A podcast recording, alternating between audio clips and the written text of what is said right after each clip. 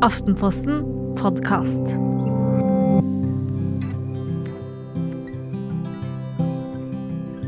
Sånn, man er en familie, alle har litt sånn sine faste treningsdager. Eh, Jeg driver med yoga og går på ski og trener liksom for meg selv. Guttene bryting og volleyball. Det er jo det at eh, Du får jo den strukturen og de rutinene som jeg tror er veldig bra eh, eh, i en familie. For at du slipper å hale og dra i barna. Ja, i dag skal vi gjøre sånn og sånn. Sånn som det var før, så var det kanskje et litt sånn travelt liv, men man tenkte kanskje ikke så veldig mye over hvor utrolig verdifullt de aktivitetene var. da. Men når man mister de, at eh, man innser hvor viktig det er.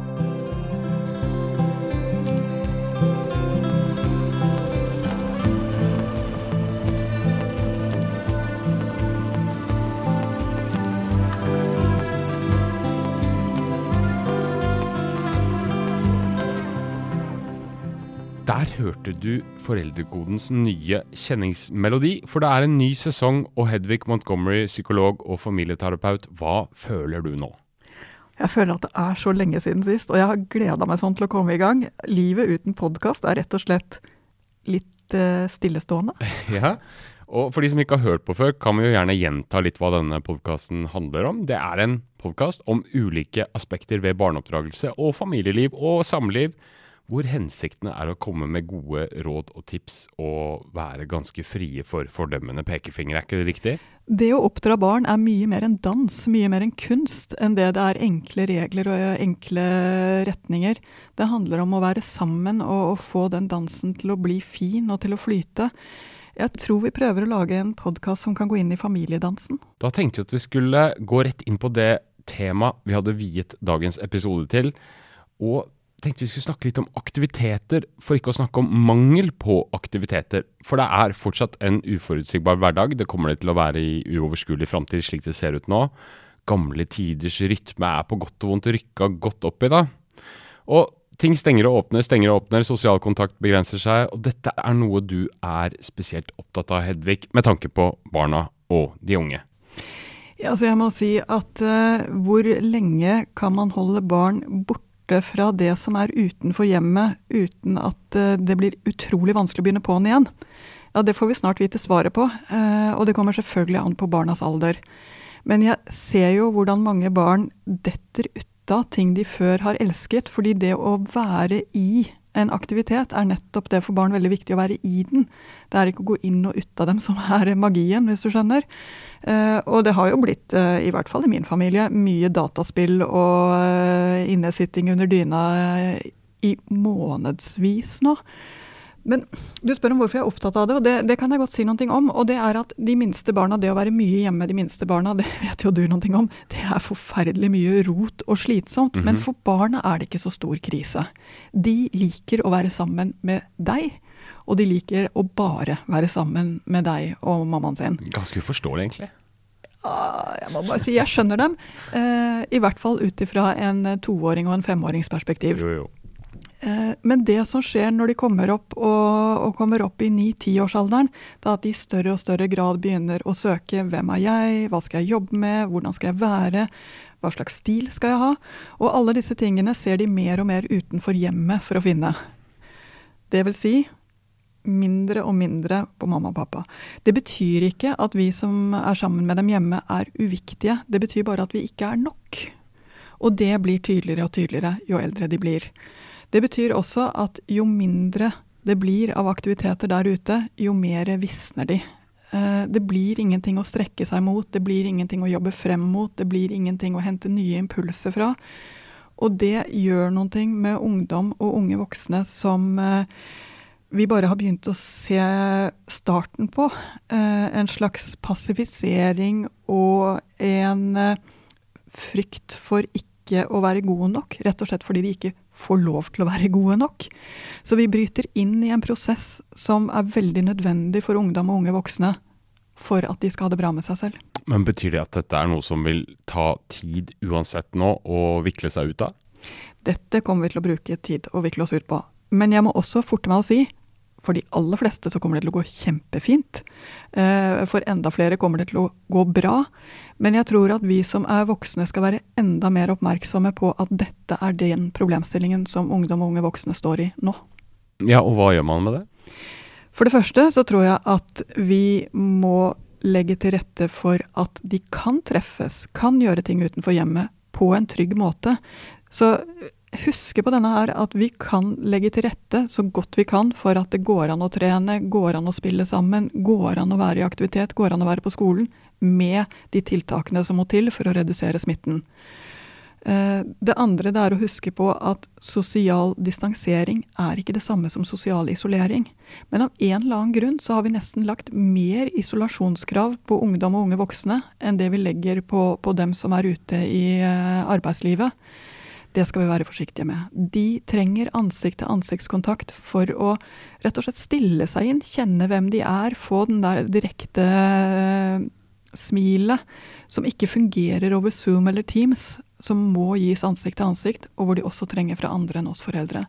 Så vi må rett og slett eh, bare skjønne hvor viktig dette er, legge til rette for det, og så tror jeg også at vi kommer mange familier med barn i denne alderen kommer til å ha en jobb med å få rytmen på plass igjen når det blir mulig å trene, når det blir mulig å gjøre ting. Finne de aktivitetene, finne det som skal gjøres.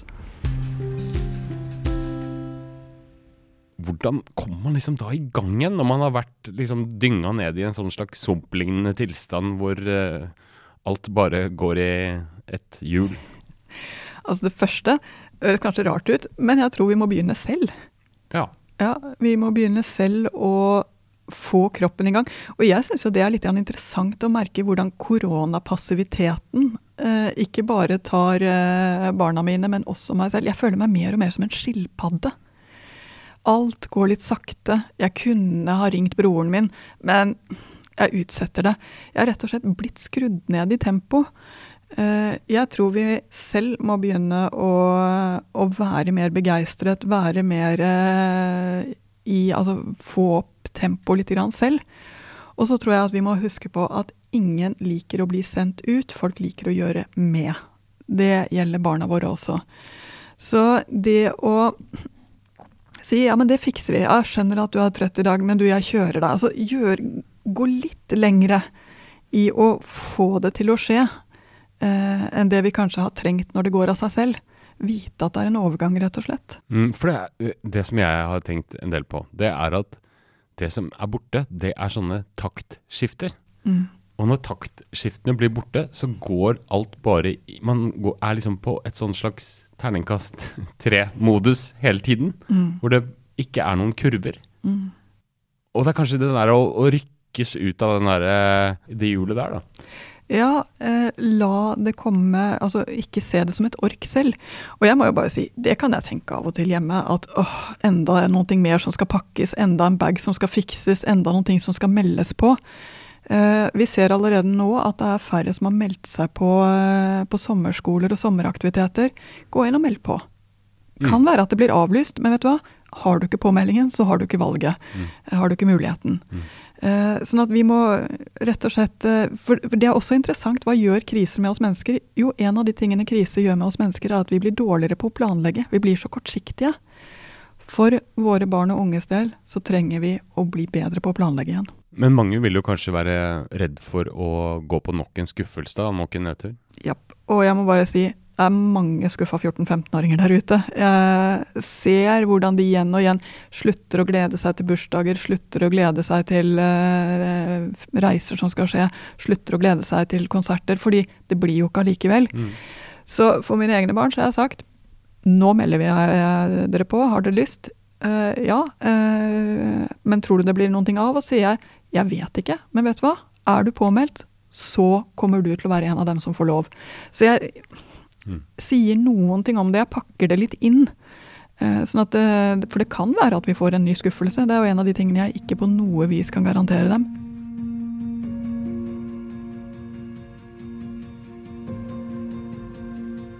Ja, jeg merket at de ble jo litt mer eh, hva skal jeg si, tiltaksløse.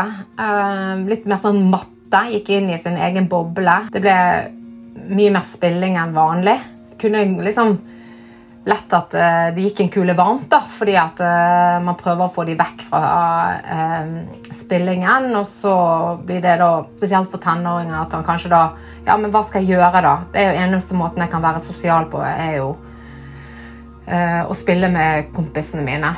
Barn de liker det å ha aktiviteter utenfor hjemmet, sånn at man kommer og samles til middag igjen, så har man faktisk erfart noe utenfor det universet som eh, vår familie er, da. Jeg heter Maren Synnevåg. Jeg er trebarnsmor. Ved siden av full jobb så er jeg òg eh, inkluderingsansvarlig i Sagene IF. Og jobber for at eh, barn og unge skal få gode aktivitetstilbud. Man har jo ikke hatt kamper eller turneringer eller noen av de tingene som kanskje barn og unge syns det er gøy gjennom et helt år. Og et år i en tolvårings liv er ganske lenge. Det kan jo bidra til å, at eh, rett og slett motivasjonen eh, forsvinner. Og det sier jo òg enten de driver med eh, bandy eller med fotball. Så det å ikke kunne liksom ha disse her små turneringene, spille kamper og sånn, kan svekke motivasjonen. Det, det, er ikke, det, er ikke, alle som har uh, forutsetninger uh, til å gå, gå, gjennom et sånt år med så mye isolasjon som det tross alt har vært. Og det er jo ulike årsaker til det. Det kan være trangboddhet, det kan være at de har familie med uh, sykdom som de er nødt til å ta vare på. Um, så jeg, jeg, tror vi vil se en stor økning av barn og unge med problemer knyttet til eh, pandemien og det pandemien har gjort med dem. Da. Eh, I forhold til sosial angst og det å eh, skulle takle liksom det å komme tilbake igjen til samfunnet. Det kan jo òg være en utfordring. Men vi har jo på en måte blitt vant til da, en sånn slags annen hverdag og en annen tilværelse. Hva gjør man hvis liksom ungen som elska fotball, turn, eh, kor, korps, plutselig ikke vil, eller syns det blir et ork, eller syns det ikke er verdt noe lenger? Hva gjør man da? Altså For det første tror jeg vi skal være klar over én ting. Det har alltid vært vanskelig å dra barn videre fra en aktivitet når de går over trinn i sitt eget liv. Dvs. Si at å gå fra det du drev med som 11-åring til å gjøre det samme som 13-14-åring. Mm. Eh, det er rett og slett slik at de endrer retning, endrer interesser, eh, og kanskje også mister lysten på noen ting. Det er ikke så rart i seg selv. Det kommer vi alltid til å oppleve. Eh, og det er ikke nødvendigvis noe galt i det, men for lite aktivitet er rett og slett eh, for få muligheter til å lykkes. Så det gjør noe med barna som ikke er bra, hvis det blir for mye eh, ja, rett og slett stillesitting. De trenger både fysisk og mentalt å ha ting som skjer, og ting som skjer utenfor hjemmet. Og så kan du si, En av de vidunderlige tingene vi har funnet ut med dette året her, det er jo at dataspill har vært en gave. Xboxen har vært en, rett og slett noen ting vi har takket for på en helt ny måte i mange hjem. Men samtidig så er det det at for mye dataspill blir i sum selv om det er gøy, selv om de treffer mange andre på det spillet, selv om det er faktisk ganske utviklende, så blir det allikevel for ensidig. Så med, i mange familier så vil det være rett og slett du har fått inn noe nytt som har tatt all tiden, og som du nå skal trenge litt tilbake igjen. Og det sier seg selv at i disse familiene så vil det være en større jobb å trenge dette litt tilbake igjen. Men jeg tror det er noen ting. Det ene det er det at barn trenger å kjenne at de får til for at de skal ha lyst til å gjøre. Så er det lenge siden det var sist trening. Gå ut og, og øv litt i forkant. Finn om det er noen i familien eller noen i vennekretsen som er god på dette, her, som um, datteren eller sønnen din kan være sammen med og prøve seg litt. De syns ofte det virker vanskelig, nærmest uoverstigelig, å komme i en situasjon hvor alle ser dem når de har vært ute av noen ting en stund. Oh ja, ja. Eh, så, så, bygg litt grann sånn Ja, men du får det jo til, det går fint. Eh, erfaring. Hvis de er litt sånn forsiktige med å ville gå tilbake igjen og vise seg frem igjen. Og det kan gjelde alle, ikke bare de som er litt sånn forsiktige av seg? Det kan gjelde alle, også de som ikke er forsiktige Så til man kan få inntrykk av at, no, at uh, ungen har skifta personlighet nærmest, eller? Altså kan jeg si at Det å ha lyst til å gjøre noe er jo fordi du kjenner at det er noe du får til. Det er ikke noe du bare hopper uti. Og, og eh, ungdom er ganske sårbare for det å, å miste ansikt, altså ikke få til noen ting foran alle vennene sine. Klart det. Hvem hadde ikke vært det? Så det å få til er viktig for å gjøre. Og så tror jeg også mange unge nå har kjent på den der at det er blitt så lite av det samspillet, eller det, s- øh, enten det er på fotballbanen eller det er i korpset, øh, at de rett og slett har blitt mindre Det er ikke så gøy å sitte og øve alene på ting man egentlig skal gjøre sammen. Så de har jo også øvd mindre enn det de pleier, de aller fleste. Så det ene er å komme over bøygen på at uh, dette er det så lenge siden jeg har gjort at jeg lurer på om jeg kan få til. Altså rett og slett øve litt, finne om det er noen i familien som er gode på det samme. Komme inn i et fellesskap igjen. Så vi må vite at vi, de trenger kanskje vår hjelp og vår eh, til, å, til å kjenne på den der, men jeg får til, det kommer til å gå bra, de andre har det på samme måte. Du er ikke den eneste som, som har det sånn. Vi trenger et språk for det, og vi trenger en eh, eh, at, at, at de ser, at vi forstår at det ikke bare er at de ikke vil, men at de kanskje rett og slett er redde for å gå inn og stille seg der i, i midten i sirkelen. Ja, Hvordan er egentlig det språket du snakker om da? Det er å si, vet du hva, jeg skjønner det, for nå er det så lenge siden du har vært der sist. Altså, det er så enkelt. Mm. Eh, så det høres ofte ut vanskeligere ut enn det jeg mener. Eh, for hvis du nikker til den der følelsen inni barnet og sier, vet du hva, det skjønner jeg, for nå er det lenge siden du har gjort det, eh, da er det mye lettere å si ja, det er det faktisk. Og da er neste setning ganske banal, nemlig vet du hva, det er det jo også for de andre. Husk på det.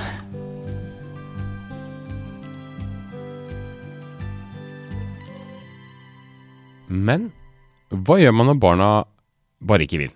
Når man vil slutte på en aktivitet, hvor mye skal man pushe før de liksom skal få bestemme sjæl her? Altså For det første må jeg bare si, de skal, må jo alltid være med og bestemme over sin egen fritid. Det er jo deres fritid. Ja. Eh, så jeg tror at dette handler om å snakke med dem, ikke til dem. Jeg tror at det å pushe er mer å legge til rette og si vet du hva, dette får vi til, og gå en gang og prøve igjen og se hva du syns, eh, mer enn det er å si du må.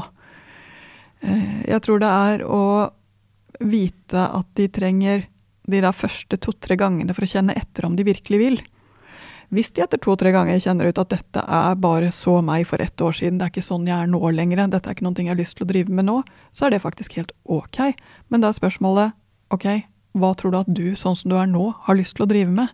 Let etter noe annet istedenfor. Eh, fordi de trenger igjen den der stedet å bli sett og strekke seg og få til noe mer. Men det er en viss alder hvor de liksom Da må man virkelig lytte til at hvis de ikke har lyst lenger, er det ikke sånn? Altså jeg tror det er slik. For det første skal vi alltid virkelig lytte. Eh, fordi det kan jo være gode grunner til at de ikke vil. Ja. Det kan rett og slett være at det er mer din drøm enn det er deres drøm. Eh, og dette begynner å bli ganske tydelig fra 10-årsalderen. Og fra 13-årsalderen så kommer enda en effekt inn. Nemlig at hvis de ikke er så noenlunde gode på den når de er 13, så kommer de ikke til å ha lyst til å fortsette med det. Mm. de må liksom, Hvis de går på håndball og kjenner at de ikke er noe flinkere enn dem som ikke går på håndball, som bare spiller i gymmen, det er klart, da er det faktisk ikke noe motiverende å fortsette. Hvis de går i korpset og ikke kommer eh, videre eh, i, eh, i å få, få det til å høres bedre ut, så kommer de til å slutte når de er sånn ca. 13-14. Og de blir jo også veldig utsatt for hva de andre gjør. Eh, så jeg tror at vi skal være klar over at for det første skal, skal de fortsette, så må de ha sjanse til å bli sånn noenlunde gode før de er, eh, kommer opp i, i puberteten. Det har vært vanskelig dette året her, så her har vi en del å ta igjen. Det andre vi skal være klar over, det er at hvis de vil slutte fordi nå er det ingen av de andre som vil, så er det faktisk en fin invitasjon til å snakke om det. Hva er det som gjør at du går på dette? Eh, Kan du treffe de andre på andre tidspunkt? Eh, Hva er det det handler om for deg å gjøre dette? Så det å vite at nesten enten de sier ja, det vil jeg, så, så, så sier du jo selvfølgelig så fint, men hvis de sier jeg er litt usikker, så er det invitasjon til en fin samtale, og spesielt en fin samtale med 13-14-åringene. Mm. Men hvordan uh, guider man det over til noe man ikke helt Altså man ikke vet hva er? Hvordan skal man liksom finne noe nytt å holde på med?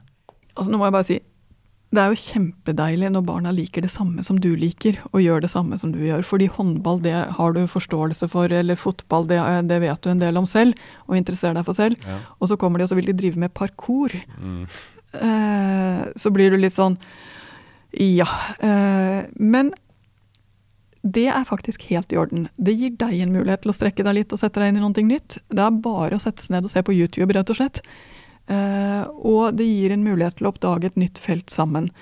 Uh, jeg må si at jeg skulle ønske at det var litt lettere å skaffe seg oversikt over hvilke aktiviteter som fantes. Uh, fordi på steder som har Altså på de aller fleste steder så finnes det ting som du ikke ante. Mm, mm. Det finnes grupper som driver med ting du aldri har hørt om og som kanskje kan være helt perfekt akkurat for ditt barn. Mm. Så jeg skulle nok ha ønsket meg at det fantes en sånn aktivitetsguide uh, som, som, som, som, man kunne søke på stedet sitt. Men snakk med andre foreldre, les i lokalavisen, se hva som finnes. Og vær positiv uh, til å dra litt lengre for å prøve noe nytt. Noen ganger så må det bare til. Hvor mange aktiviteter er det egentlig barn kan være med på? Ja, du, det er et utrolig godt spørsmål, og det varierer selvfølgelig mye. For de minste barna, de som nettopp har begynt på skolen, seksåringene, så pleier jeg faktisk å være litt hard og si at helst ingen. Fordi det å begynne på skolen er så hardt i seg selv. Ja. Så det første skoleåret er liksom nok som det er. Eh, syv, åtte, niåringene kan fint gå på én til to aktiviteter i uka. Mer enn det går veldig hardt utover behovet deres for hvile, for konsentrasjon, for å gjøre andre ting, for å bare henge, for, for, lekser. Altså for de tingene de også skal rekke. Og i det hele tatt tror jeg det er det vi skal tenke litt på med barn. Det er at de trenger et liv som er sånn noenlunde i balanse. Det skal være tid til å gjøre ingenting, det skal være tid til å spille dataspill, det skal være tid til å gjøre leksene, det skal være tid til å prate sammen, og det skal være tid til å søke disse tingene som skjer utenfor hjemmet. Og det, altså enten det blir for mye utenfor hjemmet som gjør at barna rett og slett alltid er slitne, må gjøre lekser i bilen mellom forskjellige aktiviteter, alltid er på vei noe sted, så vil jeg si det er ikke noe sunt over tid, rett og slett. Det blir ikke bra over tid. På samme måte som det blir, blir det for mye tid som, som er hjemme, så blir det for lite impulser og for lite som skjer. Så jeg tror det kommer litt an på familien, og i noen familier så er det jo også slik at mye av de, det som skjer, gjør vi jo sammen som familie. Det er vår familieinteresse som styrer. Da kanskje man også kan gjøre at det ikke går så utover familietiden heller. Men jeg ser så mye forskjellig. Jeg har ikke noe veldig standardsvar, annet enn at har du et barn som ser trøtt ut, som uh, sover dårlig, uh, som uh, Eller som, som, bare sovner så fort den legger seg nedpå, som er helt utslitt. Altså, du ser litt, se, se barnet an. Man, vi må vel ikke glemme at de har godt av å bare henge òg? Altså du kan si at Det å henge det er kjempeviktig, og til alle tider så har ungdom hengt på en måte som har irritert foreldregenerasjonen. Så lenge vi har skrifter, så har vi sett det at eh, de eldres irritasjon over ungdommens henging alltid har vært til stede. Den er faktisk ganske konstant. Ja. Eh, og hva det handler om altså Du ser jo det når du har barn som er i førpubertet og i pubertet. De er liksom pakket inn i kokongen sin, de ligger inne i dyna si. Det er akkurat som de trenger et skall rundt seg fordi det skjer ah. noe fint der inne. Irriterende, ass. Ja, det er lett å bli irritert på det. Mm. Men vit at det finnes noe fint som skjer der inne. Og de trenger at du ser at det er noe fint som skjer der inne. Og de trenger at du innimellom kobler dem på verden der ute fortsatt. Det var det vi hadde for den første episoden i denne nye sesongen, som faktisk er sesong fem, tenk det. Ok, Hedvig, hvis du skal trekke fram, basert på det vi har snakka om nå, ett godt tips i den situasjonen vi er i akkurat nå, den litt usikre, og et som peker litt lenger fram når ting er gått i gjeng igjen, hva vil det være? Usikkerheten kommer ikke til å vare for alltid. Akkurat nå trenger eh, ungdommene og barna våre at vi planlegger litt for dem, hjelper dem å finne sammen igjen, hjelper dem til å bli gode på noen ting igjen. når verden kommer mer i gjeng igjen, og det gjør den, Yes. så er det vår jobb å både glede oss sammen med ungdommene og barna våre, og å legge til rette for at det blir en ny blomstring. Det var det vi hadde, altså. Meld deg gjerne inn i Facebook-gruppa vår, som eh, er stadig voksne. Der kan du diskutere ulike aspekter ved barneoppdragelse med andre foreldre. Eh, ellers så var jo dette her eh, ålreit. det har kommet i gang igjen, var det ikke, Hedvig? Jo, vet du hva? Det er så godt å være her sammen med deg og sammen med dem som hører på oss. Men jeg må også si at jeg har kjent på at det vi har snakket om i dag, det å begynne igjen, er litt rustent, føles litt nakent. Jeg lurer på hele tiden nå, er det bra nok? Blir, det, blir dette ålreit? Så ja, de kommer til å trenge hjelp, barne- og ungdommene våre også, for å komme over denne bøygen. Godt sagt. Da høres vi igjen. Ha det bra!